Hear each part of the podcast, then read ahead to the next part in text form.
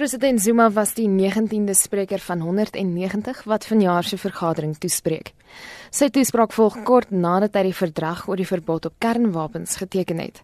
Hy het ook gevra vir vrede in die Koreaanse skiereiland en het lidlande aangemoedig om in Suid-Afrika se voetspore te volg wat kernwapens betref.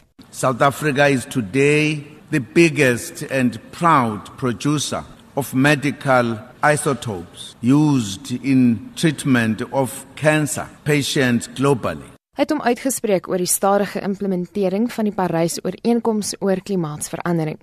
Volgens hom moet lidlande ernstig raak oor die mobilisering van hulpbronne om die ooreenkoms te implementeer. We should resist all efforts to unravel and undermine the Paris Agreement. Our efforts should be directed at the mobilization of the required resources for its implementation. Zuma het ook genoem dat die gaping tussen die rykes en die armes groter word. Die wending kan volgens verskeie rolspelers 'n stok in die speuke van die VN se volhoubare ontwikkelingsdoelwitte steek. Zuma glo die probleem kan getakel word met die nodige politieke wil.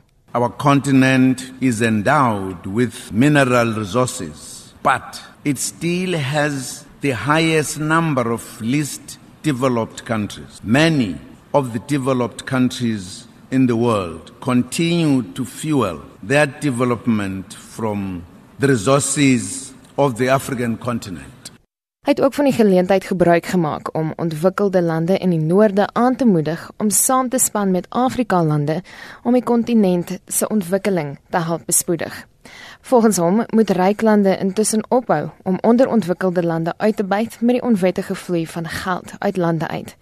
Die bedrag beloop sowat 100 miljard Amerikaanse dollar. We appeal for the cooperation and commitment of every member state of the United Nations and the international community at large to address this phenomenon.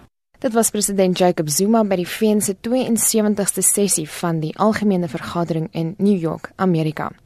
President Robert Mugabe van Zimbabwe gaan die vergadering na verwagting vandag te woord staan. Hierdie verslag is saamgestel deur Ntebo Mokobo, ek's Marlene Forsie vir SAK nuus.